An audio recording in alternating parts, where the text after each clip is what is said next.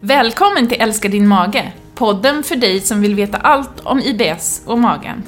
Här får du lyssna på ofiltrerat skitsnack av Sveriges IBS-experter, dietisterna Sofia Antonsson och Jeanette Steyer. Vill du veta mer om hur du kan ta kontroll över din mage redan idag? Gå in på bellybalance.se. Och glöm inte ladda ner appen Belly Balance, ett ovärderligt verktyg för alla FODMappare där ute. Och nu är det dags att börja älska din mage. Så, välkomna hit till avsnitt 7 av podden Älska din mage. Sofia här. Jeanette här också. Idag då blir det ett av mina favoritområden. Ja. Tarmbakterier Ja. och immunförsvar. Grotta ner oss i det idag lite grann, tänkte vi. Mm. Och du, vad roligt, jag måste ju börja med att ta upp det. Det har ju varit lite drag här i företaget Belly Balance eh, veckan som gått, eller ända från i helgen då. Först var det Allt för hälsan, där Sofia Antonssons Antonton, Antonton. Antonsson Mm. stod på scen och pratade om IBS och mage. Och även där dök du ner lite i tarmbakterier och så vidare. Mm. Eh, och det var välbesökt. Vi livesände det. Det ligger kvar på vår eh, Facebook-sida. Belly Balance. Just det. det Man kan titta på din föreläsning. Och sen så var du ju med i eh, Nyhetsmorgon i måndags. Jag, jag var också på Mat för livet. Det var du också. Som är en eh, glutenintolerant mässa, höll jag på att säga. Ja, Nej, ja, men- det är ju inte mässan som är... Nej, ni glutenintolerant. förstår. Det Nej. är alltså mässa för, eh, som Celiakieförbundet, föreningen, eh, ordnar. Jättebra mässa. Eh, det är alltså gluten, laktos, soja och mjölk. Eh, allergifokus på den mässan. Tillverkare av eh, ersättningsprodukter som är där. Eh, och naturligtvis mycket fokus på mage där också i föreläsningarna. Mycket välbesökt, superkul. Mm, vad roligt. Det är kul. Och det är roligt att se när du är ute att det blir väldigt uppskattat och det är många alltid som kommer fram och frågar. Eller till exempel då i Nyhetsmorgon så var det ju en chatt efteråt. och Just där pratade du inte specifikt om IBS, men du pratade just mer om tarmfloran och tarmhälsan och tarmbakterier. Mm, och immunförsvar. Exakt. Exakt. Och det Då fick du väldigt mycket frågor på. försvar, Ja. Ja, försvara mig på säga. Jag försökte, ja, det var nästan så faktiskt. Folk blir lite sura för att jag inte svarar på alla frågor. Men det är ju Ja. lite, ja, det är lite stressig eh, situation att sitta där med telefonen och det bara rullar in frågor och man ska försöka liksom swipa och se vem som frågar vad och hinna svara. Ja, förstår det. Men det var jättebra. Det var och det kan man också många. titta på. För det ligger kvar, klippet. Ja, det ska jag. göra. Ja. På Nyhetsmorgons hemsida och kanske på vår Facebook också har vi lagt upp den. Ja. Så att där finns det en 27 minuter lång live-chatt. Mm. Eh, Med allt från tarmbakterier till, eh, jag vet inte vad det var, KBT säkert. Eller någonting annat. Just det. Mm. Så det är kul. Ja, vi tänkte nu då i de här förkylningstiderna. Många runt mig frågar så här, men du Fia, hur ska man nu göra? Jag blir sjuk hela tiden, varenda vecka är det någonting. Och då kan man ju börja tänka så här, vad, det det är väldigt i ropet nu att balansera sin tarmflora. Och det kan man göra. Det är ett visst jobb, vill jag lova, att göra det. Och det är i de allra flesta sammanhang inte så enkelt som det låter. Det går inte att dricka en grön drink och tro att det ska liksom lösa hela problematiken. Och det här kan låta som att jag mässar det här, för det här säger jag ganska ofta. Men det är ju faktum att, att det här systemet påverkas väldigt mycket av hel, hela alltet. Allt vad vi äter och hur vi lever. Precis. Det Ännu finns- en sån här sak med kroppen som inte bara går att quick-fixa. Utan som är jättekomplex. Och hela vår tarmflora är ju det. Ja. Miljarders, miljoners bakterier, olika familjer och stammar och sammansättningar. Och ingen är den andra lik från person till person. Så man vet ju inte idag vad som är en perfekt tarmflora. Nej, det vet man verkligen inte. Utan det här är ju...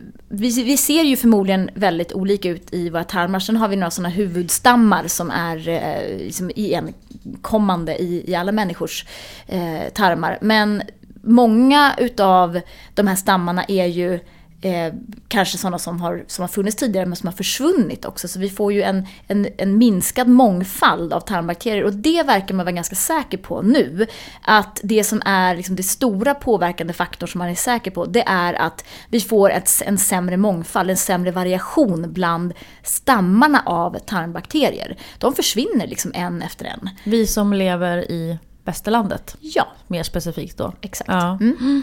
Tittar man på människor som lever i Afrika till exempel så har de, jag såg någon siffra på 1600 olika bakteriestammar och vi kanske har någonstans kring ja, 600-800 i bästa fall eh, i den här delen av världen. Och det är ju en ganska stor skillnad. Verkligen, det händer saker. Ja, precis. Och då kan man ju fråga sig varför det händer. Det finns ju en miljards eh, olika eh, liksom, teorier om det. Eh, och det är som sagt, återigen, ingen har svaret här. Och vi måste också förstå att varje gång vi äter så förändras ju tarmfloran.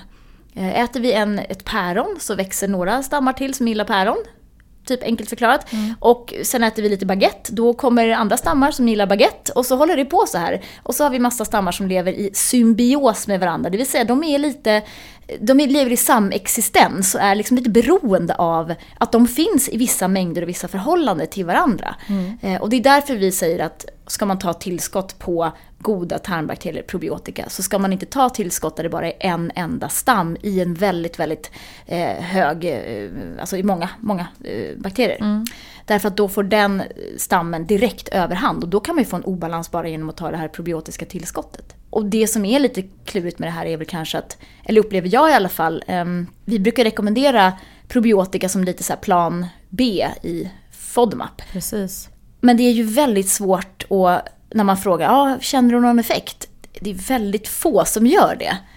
Så det blir det här subjektiva igen, att ja, men jag kanske har blivit lite bättre, eller jag har inte varit sjuk så mycket nu och sådär. Så att det är ju ingenting som är direkt lätt att utvärdera. Verkligen inte. Nej. Det finns ju lite studier som på, eller de studier som finns kanske man ska säga, på magen och probiotika och om det hjälper.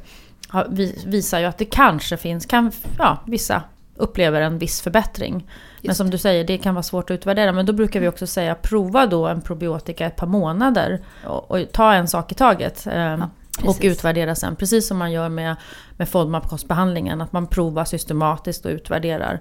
Eh, och vi brukar också alltid säga, ska du börja med kostbehandlingen FODMAP, börja inte med något annat preparat då samtidigt. Börja inte med probiotika och kostbehandlingen FODMAP. Utan lägg till eventuellt eh, när du har kommit längre i kostbehandlingen och lärt dig vad din mage reagerar på. Mm. Det är ju verkligen rimligt. Eh, Sen får man ju tänka på då att, att tarmbakterierna påverkas ju som, som jag sa väldigt, väldigt många saker. Så det är ju inte bara en enda liksom, grej som kommer göra att, att det blir bra eller inte bra. Och dessutom så verkar det ju inte heller som att någon har en, en universallösning på lång sikt. Så länge man tar probiotika då kanske man håller en bra balans men när man slutar med den då, då är det inte som att de stammarna har koloniserat där för all framtid utan de sköljs ju ut då vartefter. Eh, Så det här är, liksom, det är lite mer komplext i min värld än vad många försöker göra det. Och det är ju det, är liksom det som är problemet här, att man vill kanske försvåra det här lite för mycket fast man ändå vill förenkla det. Jag vet inte hur jag ska säga, men det, liksom, det finns ingen enkel lösning och vi måste titta på många olika faktorer. Precis. Jag tänker just när du säger det där så kommer jag att tänka på, vi pratade med en väldigt duktig mag-tarmläkare för några veckor sedan. Som nämnde just det här med att de personer som har fått en eh, obalans i magen efter en kraftig maginfektion, att man då kanske får till IBS-symptom då. Att han sa, ja men de flesta blir ju bra efter sju år, alltså m- ungefär max sju år, eller under den tiden. Eh, om det är någon tröst. Men då var det ändå så här, ja wow, det tar, kan ta så lång tid innan tarmfloran har återhämtat sig och byggt upp sig själv igen. Så Just. flera år efter en sån, sån smäll. Då, Och då liksom. kan man ju ändå tänka att, att man kanske kan snabba på det förloppet genom just kost, livsstil och eventuellt då Absolut. probiotiska eh, tillskott. Men det är ju likadant med det här med tarm, Eh, tarmfloratransplantationer, avföringstransplantationer. Det är ju också någonting som inte alls hjälper på särskilt många diagnoser. Många tror att IBS och IBD, alltså Crohns ulcerös kolit, att de diagnoserna också kan bli hjälpta av avföringstransplantationer. Men de blir ju inte riktigt det. Utan det är de här Clostridium difficile bakterierna som man kan man bota Mm. ja, med eh, en avföringstransplantation. Och den typen av bakterier uppkommer ju eh, ibland när man har ätit lång, alltså långdragna antibiotikainfektioner. Då får den bakterien liksom fäste.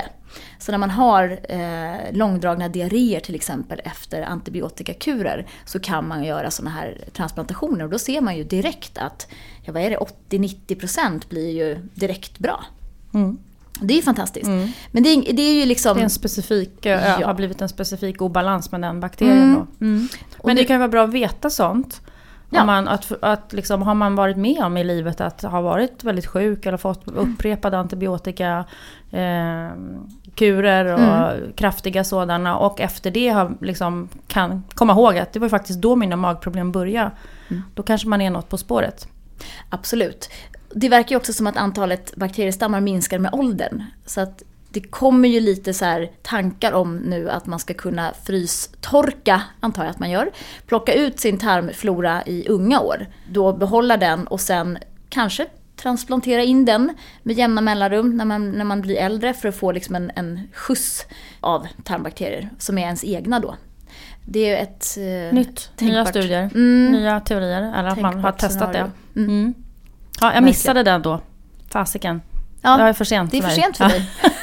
Och för mig Attans. faktiskt. Ja, alltså hur ung skulle man vara? Så- Ja, man kanske stil? kan ta av en närstående. Ja. Kan man ta en son Hallå? eller dotter? En sån, eller skulle du vilja ställa upp? Nej, gud. Nej, och det blir, kan ju bli jättefel. De, den, den tarmfloran vet jag som man, som man använder för eh, transplantation, i alla fall här på sjukhusen runt om i Stockholm, det är ju en norsk kvinna. Hennes flora. sen- Ursprungsflora, ja, exakt. precis. Från Mm. 70-talet eller något som man har fortsatt att odla på. Och jag vet inte, det är det är ju ingen som vet vad den optimala tarmfloran är och den Nej. varierar säkert från person till person. Så att det blir lite av en, lite av en lotteri. Mm.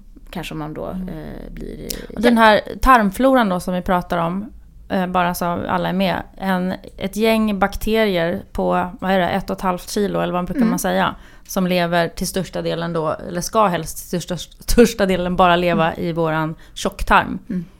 Och det är ju, bara det är ju helt fascinerande att vi går runt med så mycket. Mm. En, ett sånt, sån stor del i våran tarm består av de här bakterierna. Ja, och de omsätts ganska fort. Ja. Man, man säger att man byter hela eh, tarmslemhinnan, alla celler, på en 3-4 dagar. Liksom, så har man bytt ut alla dem.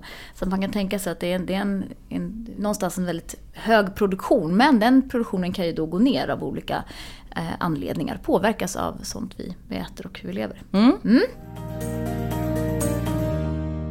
FODMAP, Ja, relaterat till tarmflora får vi en del frågor om. precis. Eh, vad vet vi om det?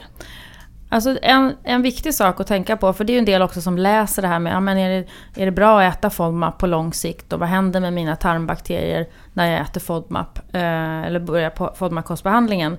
För det är ju någonting som man har sett också att specifik bakteriefamilj... Bifidobakterier. Bifidobakterierna kan minska när man startar med FODMAP-kostbehandlingen. Mm. För som vi har pratat lite om, man plockar ju bort vissa av de här sakerna som egentligen är bra föda för tarmbakterierna. Just det, pre Prebiotika. Biotika. Där var vi överens. Och Ja. den är, den är ju, det här är ju lite svårt att förstå. Prebiotika, probiotika. Mm. Eh, Men prebiotika är ju maten till probiotikan. Så kan man säga. Enkelt sagt. Pre, det är ju något som är innan. Ja, Mm. precis. Vad säger man? Premenstruell till exempel. Ja, Innan exakt. menstruation. Ja. Mm. Finns det något annat pre? Ja, det finns många pre. Ja. Ehm, och, eh, eh, och då har man sett det, att det kan förändras precis i början av FODMAP-kostbehandlingen. Mm. Sen så vet man inte, man, man har också sett att de stiger ju sen igen när, när man kommer längre fram i kostbehandlingen och när man börjar återinföra. Och det är därför det är också en av orsakerna Mm. till att vi tjatar om det här, att gör hela kostbehandlingen, återinför, testa återinför. För det är just för att man ska förhoppningsvis kunna lägga tillbaka så mycket som möjligt och ha massa olika livsmedel som är bra föda för de här tarmbakterierna. Mm. Precis, och det är därför man tänker att, att äta allsidigt och varierat, det är ju ett gammalt så här, dietistråd som ändå har substans när det gäller det här. För att det är ju verkligen det vi måste titta på, att äta så mycket olika saker, eller så många olika saker som möjligt för att tillgodose alla olika tarmbakterier tarmbakteriestammar. Precis. Det är det. Och plockar vi då bort lök och vitlök som vi gör i FODMAP så försvinner då de bakteriestammar som råkar leva på lök och vitlök. De har ju ingen föda kvar, enkelt förklarat återigen. De, de äter ju lite av allt men, men många av dem försvinner med bifidobakterierna till exempel. Eh, Då tackar de för dig, sig och så försvinner de ut ur, ur tarmen. Och då gäller det att få tillbaka dem igen och då måste man äta någon, någon typ av prebiotisk eh, föda. Precis.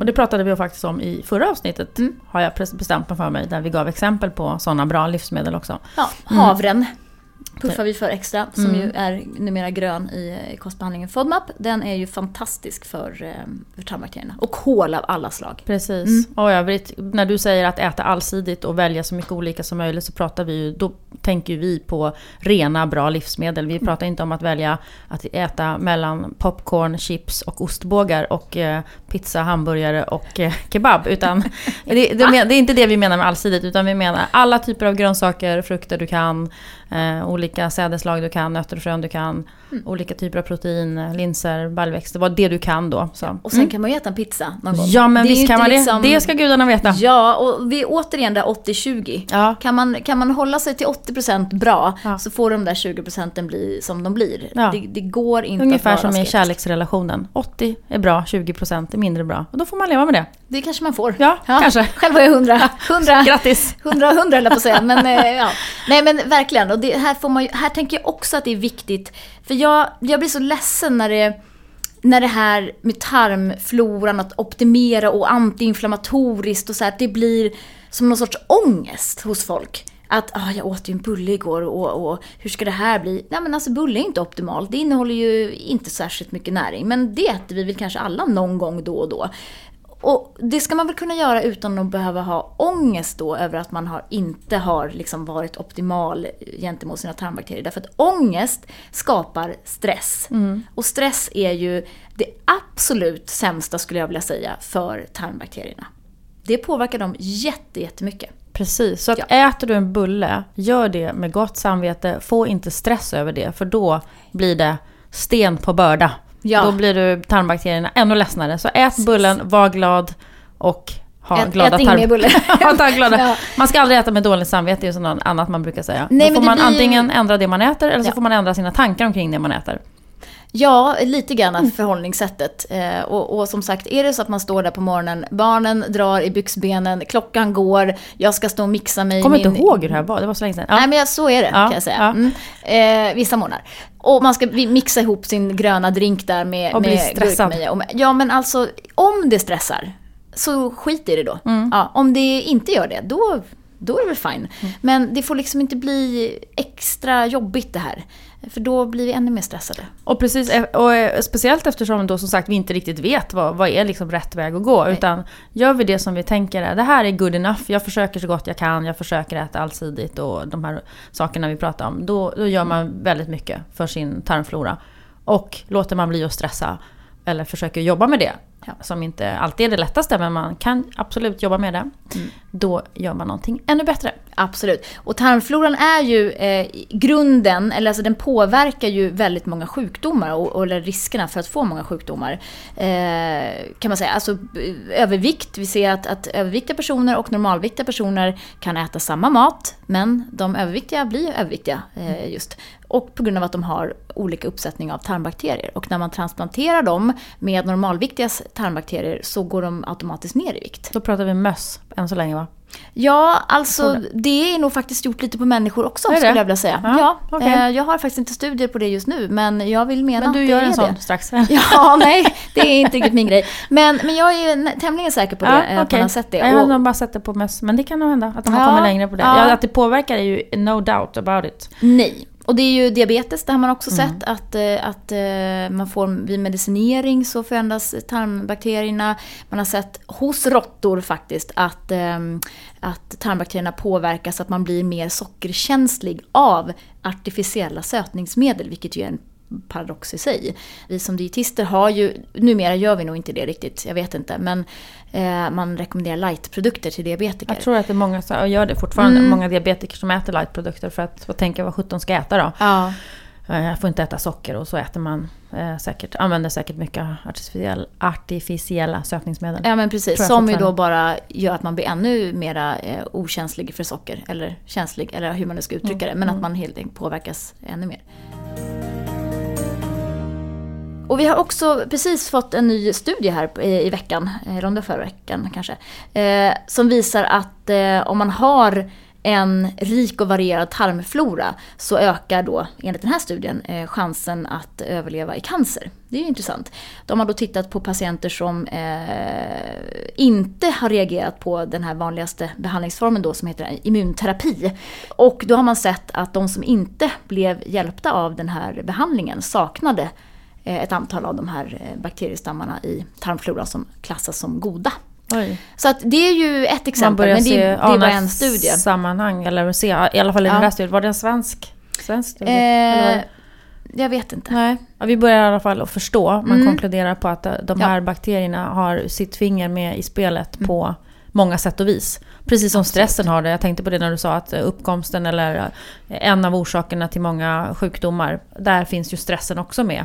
Också i vissa sjukdomar som man tidigare inte har trott att, att stressen kan vara med och påverka liksom, negativt. Verkligen. Och det, det är väl egentligen stress och det är eh, socker såklart. Och det handlar inte om att socker är dåligt för tarmbakterierna utan socker göder de onda tarmbakterierna. Eh, De älskar socker och då får man en, en överväxt av dem helt enkelt och en sån här eh, dysbios eller obalans eh, på grund av det. Eh, processad mat. Och det handlar ju om att tarmbakterierna behöver fibrer, vitaminer, mineraler, alltså näring. Och vi har inte så mycket näring i processad mat. Och sen det här sista då, antibiotika som jag tycker är intressant. Att det var någon som sa till mig, jag har inte provat det här själv, eh, men att ja, men för det första kan vi bli lite försiktigare med att använda antibiotika. Eh, Jag har för egen del varit eh, inne akut med min dotter ett par gånger här under våren. Då har de trott att hon haft öroninflammation båda gångerna. Men det har inte varit därför vi har varit där. Och då har jag själv sagt att, eller de var ju på en gång så här, ja men hon har öroninflammation, vi sätter in antibiotika. Och då har jag själv sagt att, men är det inte bättre att avvakta om hon inte har några symptom av den här öroninflammationen? Jo, absolut, det kan vi göra, säger läkarna. Vi kan avvakta. För det blir ju ingen större skillnad i, i sjukdomstid eller sådär, utan det är ju små barn under ett år som man gärna behandlar för att man inte ska riskera att få någon typ av komplikationer på Just det här. det. Mm. Ehm, och det har ju visat sig att båda gångerna har det inte varit öroninflammation. Och det känner jag, hon är ganska liten, så för mig så är det viktigt att undvika antibiotika när man kan. Många tror jag känner att jag får någonting av läkaren. Jag får antibiotika, men vad bra, då är det, liksom, det är en action. Tydlig eh, så. Men, men kanske när det är så här vanliga förkylningar eller man har, inte vet jag, streptokocker. Jag kan inte det här riktigt, men så. Så är det ju minimal skillnad i liksom sjukdomstid eller återhämtning eller vad man nu ska säga. När man får antibiotika. Mm. Och antibiotika slår ju ut tarmfloran. Mm. Det vet vi. Precis, så Mm. att man ska verkligen behöva det när man ska... Ja, och då det jag skulle komma till var ju att eh, apoteken har börjat rekommendera probiotika när man hämtar ut sin antibiotika. Det är något nytt. Mm. Läkarna gör det fortfarande väldigt sällan, vad jag förstår. Eh, men apoteket förstod att, ah, Här har vi en försäljnings... merförsäljning kallas det. Ja, precis. Men ja, inte helt fel tänkt i alla fall. Jag tycker att ändå att det kan, det kan kännas okej, för det är ändå någonting man gör för kunden som faktiskt kan göra något gott. Mm. Eh, Så att probiotika när man tar eh, antibiotika är väl eh, jättebra. Yes. Ja. Sen hade vi alkohol, jag läste faktiskt en, en liten studie om det. Alkohol i stor mängd är ju inte bra för tarmfloran och inte för levern och inte för kroppen överhuvudtaget. Överhuvudtaget. Men det, det, det var någon konklusion att polyfenolerna i rödvin faktiskt ändå kunde påverka eh, tarmbakterierna positivt. Det är det där rödvinet igen som ofta får höjs ibland. Till, Inte till skyarna, men tas upp ändå i Mm. Ja. olika hälsosammanhang. Ja, I måttliga mängder. precis. Tänk på det nu med boxen Jeanette. Ja, jag har ingen box hemma. Har du inte? Nej. Jag, försö jag försöker få, få en box hemma. Eller jag försöker rättare sagt öka mitt alkoholintag. Nej, det gör jag faktiskt inte. Men ibland kan jag tycka att, gud vad lite alkohol. Ja, men nu är småbarnsförälder också. Ja, då är man är inte så. Då hinner man bara dricka ett glas vin, sen somnar man ju. Ja, och skillnaden är ju att då som våra föräldrar, Ja, de drack på ett annat sätt, Ja. kan man lugnt säga. det kan man lugnt Ja. säga. Utan att vara alkoholister på något vis. Ja. Men det här vardagsdrickandet var ju liksom... Ja, och så tror jag, ja, ja, mina föräldrar drack nog mera drinkar och gin och tonic och så här, men, Precis så. Och vi är nog mera, tror jag, det känns som att vi dricker mer vin. Ja. Sådär, generellt. Mycket mer vin. Det här, var ett, det här var ett sidospår kände jag. Ja, det var det verkligen. Men alkohol i stor mängd är inte bra för tarmbakterierna. Det var Ja. dit vi... Eh, Och inte bra för vi någonting. komma. Inte Mm. bra för någonting. Nästan. Nej. Eh, så är det med det. Du, vi hade några frågor där va? Ja, det hade vi. Uh, ska vi se om vi... ehm, jo men de, vi får ju ofta frågan, ja men jag vill ta probiotika. Vilken probiotika ska jag ta? Mhm. Det kanske du svarade på lite tidigare, för du sa satsa på en probiotika som har många olika stammar. Ja. Och inte ta en som bara innehåller en. Mm. Och eh, ett bra märke som vi vet, som vi brukar rekommendera, Mm. det är ju Innate. Mm. I NNATE E, som finns på hälsokosten. Ja. Som har många, flera olika Mm. Eh, men sen finns det säkert flera. Men det är i alla fall en som vi vet. Precis, och då kan man tänka att de, eh, de preparaten eh, som innehåller bara probiotiska stammar är ju bra om man har eh, IBS. Och de preparat som innehåller prebiotika också, det vill säga oligofruktos eller inulin primärt, för det är de stammarna som man brukar mm. paketera som en liten matsäck kan man säga till bakterierna när de ska ta sin väg ner genom magen. De är ju inte så bra eh, när man har IBS, men de är bra annars. Precis. Så titta på burken ja. och ta de här i samband med mat. Det har jag säkert sagt Ja, men, nej, men det är bra. Mm. Jag upprepar det. Mm. En annan fråga som vi har fått, eh, har vi fått tidigare vet jag i alla fall, att vi, det här med tarmsköljning, är det bra att göra? Nu kändes det som att det är inte så många som frågar om det här, men den har i alla fall varit uppe några gånger. Det är inte så många som gör. Jag tycker, gjorde man inte det mer förr i tiden? Jo. När man höll på med yoga och tarmsköljning och sånt. Känns ja. som en lite 70, 70-talsdiagnos. 70 man åkte på så hälsohem och stod och... Du vet, man, de, såna här svarta kärliknande grejer stod de och fångade upp i toaletten med ja, men, en sil men, och grejer. Sluta! Ja men det har man ju hört. Det är en sån här gammal skröna så här, ja, ja, när man gör en tarmrensning och så kommer det ut typ kär, det är saker som har legat i tarmen i flera år. Mm. Nej. Ja, det är inte så, ska vi säga. Vi dementerar här Ja, det, det gör vi alla gånger. Men tarmsköljning, alltså så här, majoriteten av människorna borde, nu är det här lite generaliserande och uh, saker som jag inte har vetenskapligt belägg för. För mig veterligen har jag inte gjort någon studie på tarmsköljning. Okay. Du kanske ska ha en sån liten vignett. Plingelingeling, ja. nu kommer Sofias alternativa hörna. Absolut. Sofia, Sofia go bananas. Ja.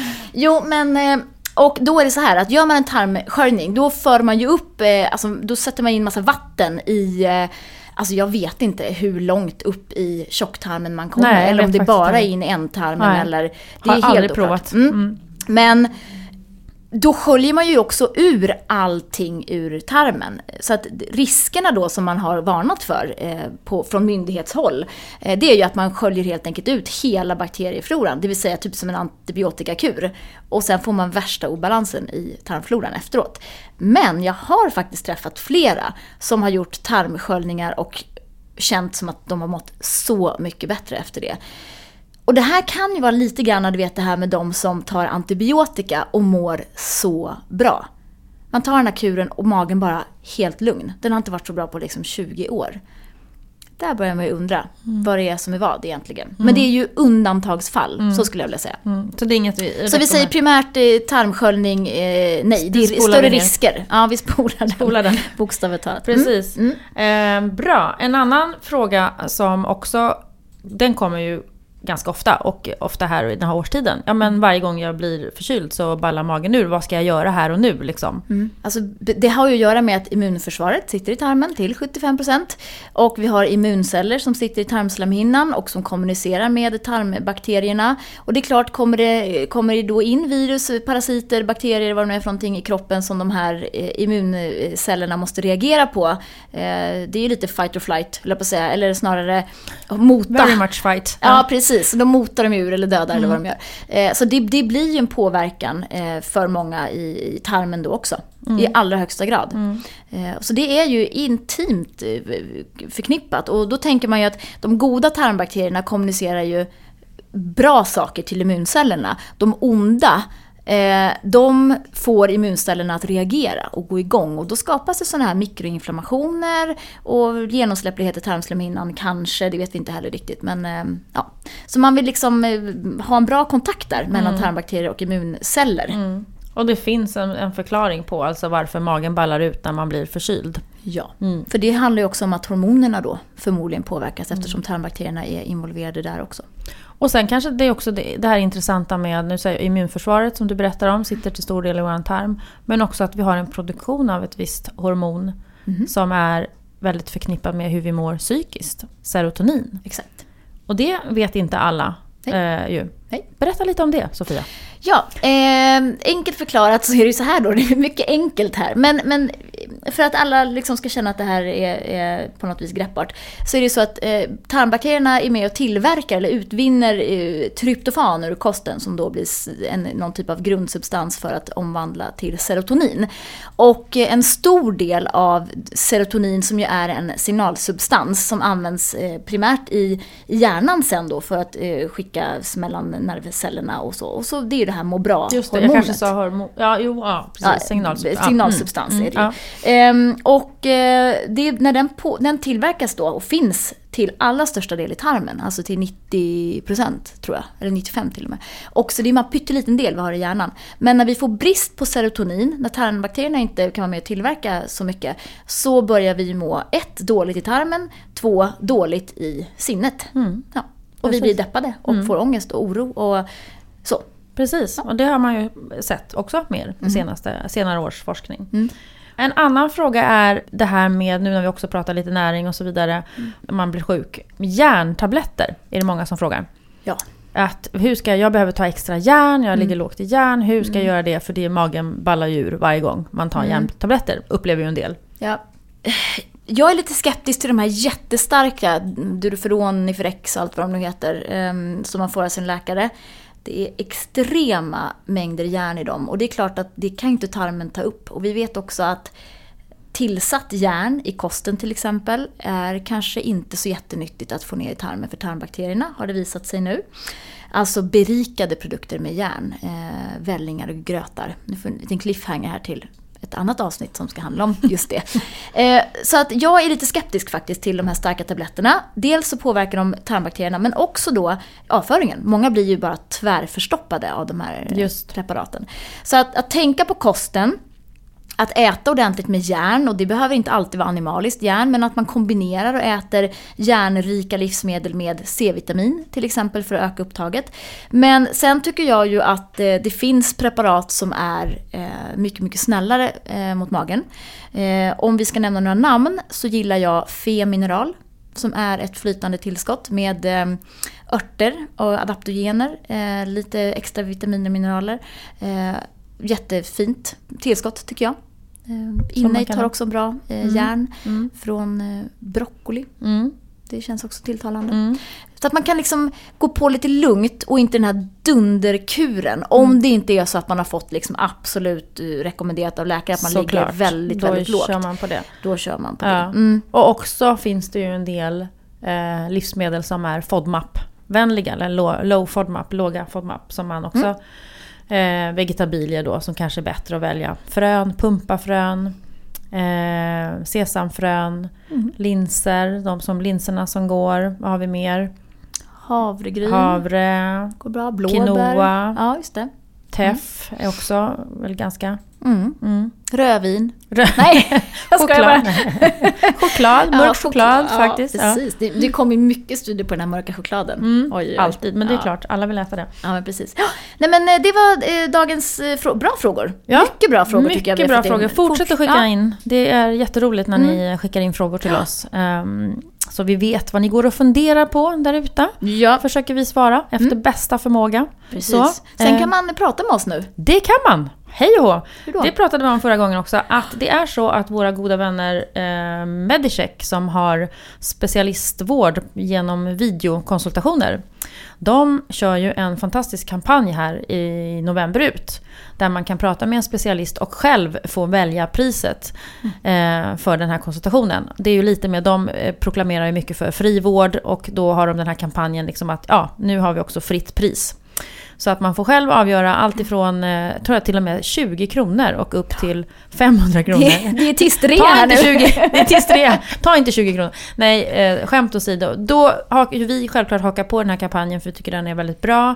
Och, eh, och vill erbjuda er som lyssnar att kunna ta kontakt med oss och boka en videokonsultation då på 25 minuter. Eh, hinner man prata ganska mycket faktiskt. Eh, med oss. November månad ut. Både jag och Sofia har lagt ut tidigare. Man går in på www.medicheck.se.